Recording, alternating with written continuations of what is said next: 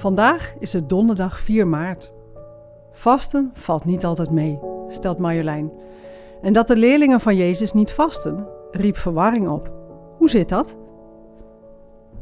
Heb jij wel eens gehoord van een cheat day bij je diëten? Dit is een dag waarop je even je dieet mag loslaten en zonder schuldgevoel kan eten wat je wil. Of het werkt of niet, daar zijn de diëtisten het nog niet over eens. Je zou hem kunnen uitleggen als vals spelen. Maar een dergelijke dag zou ook kunnen helpen het dieet vol te houden. Tegelijk is zo'n dag iets om naar uit te kijken. Even geen regels en geen beperkingen. Heb jij ergens nee tegen gezegd de afgelopen dagen? Hoe vind je dat? Gaat het je gemakkelijk af of valt het zwaar? Als ons mensen iets zwaar valt, willen we vaak even ontsnappen, even toegeven aan wat makkelijk voelt. Misschien verlang je naar een dag dat je niet gedisciplineerd nee hoeft te zeggen en even mag toegeven aan de drang het maar te laten. Een cheat day voor het vasten. Toch je Instagram openen, dat chocolaatje eten of een gewetenloze Netflix-serie aanzetten. Het kan je zwaar vallen om een hele week nee te zeggen. Deze week gaat het in de podcast over vasten. Nee zeggen tegen de dingen in je leven die je afleiden van je relatie met God. Tijdens het leven van Jezus werd er ook gevast, maar niet door iedereen. Er was een groep mensen voor wie dit niet nodig was. We lezen in Matthäus 9, vers 14 en 15. Daarop kwamen de leerlingen van Johannes bij hem en ze vroegen: Waarom vasten wij en de Fariseeën wel regelmatig en uw leerlingen niet? De leerlingen van Johannes willen weten waarom de leerlingen van Jezus niet vasten.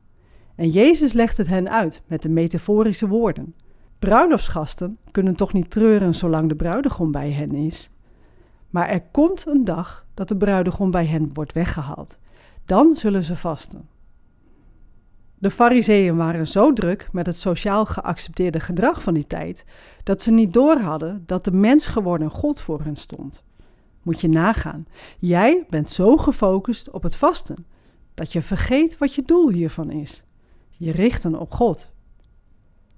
Er was maar één manier voor de leerlingen om zich te richten op God, zijn zoon Jezus.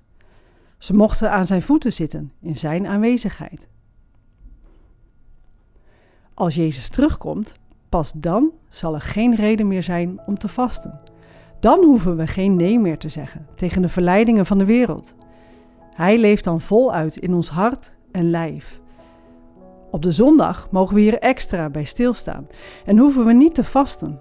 Niet als een cheat day, niet om vals te spelen, maar als een dag om naar Jezus uit te kijken.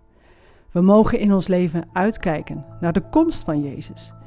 Nu is er nog discipline voor nodig, zijn er verleidingen van de wereld. Maar er komt een einde aan die tijd. Daar mogen wij naar uitkijken en ons richten op boven, op Jezus.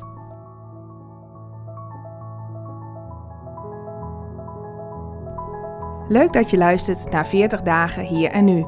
De podcast die je wil helpen om Jezus te volgen in jouw hier en nu. Wil je meer weten over deze podcastserie? Ga naar 40 dagen hier en nu.nl.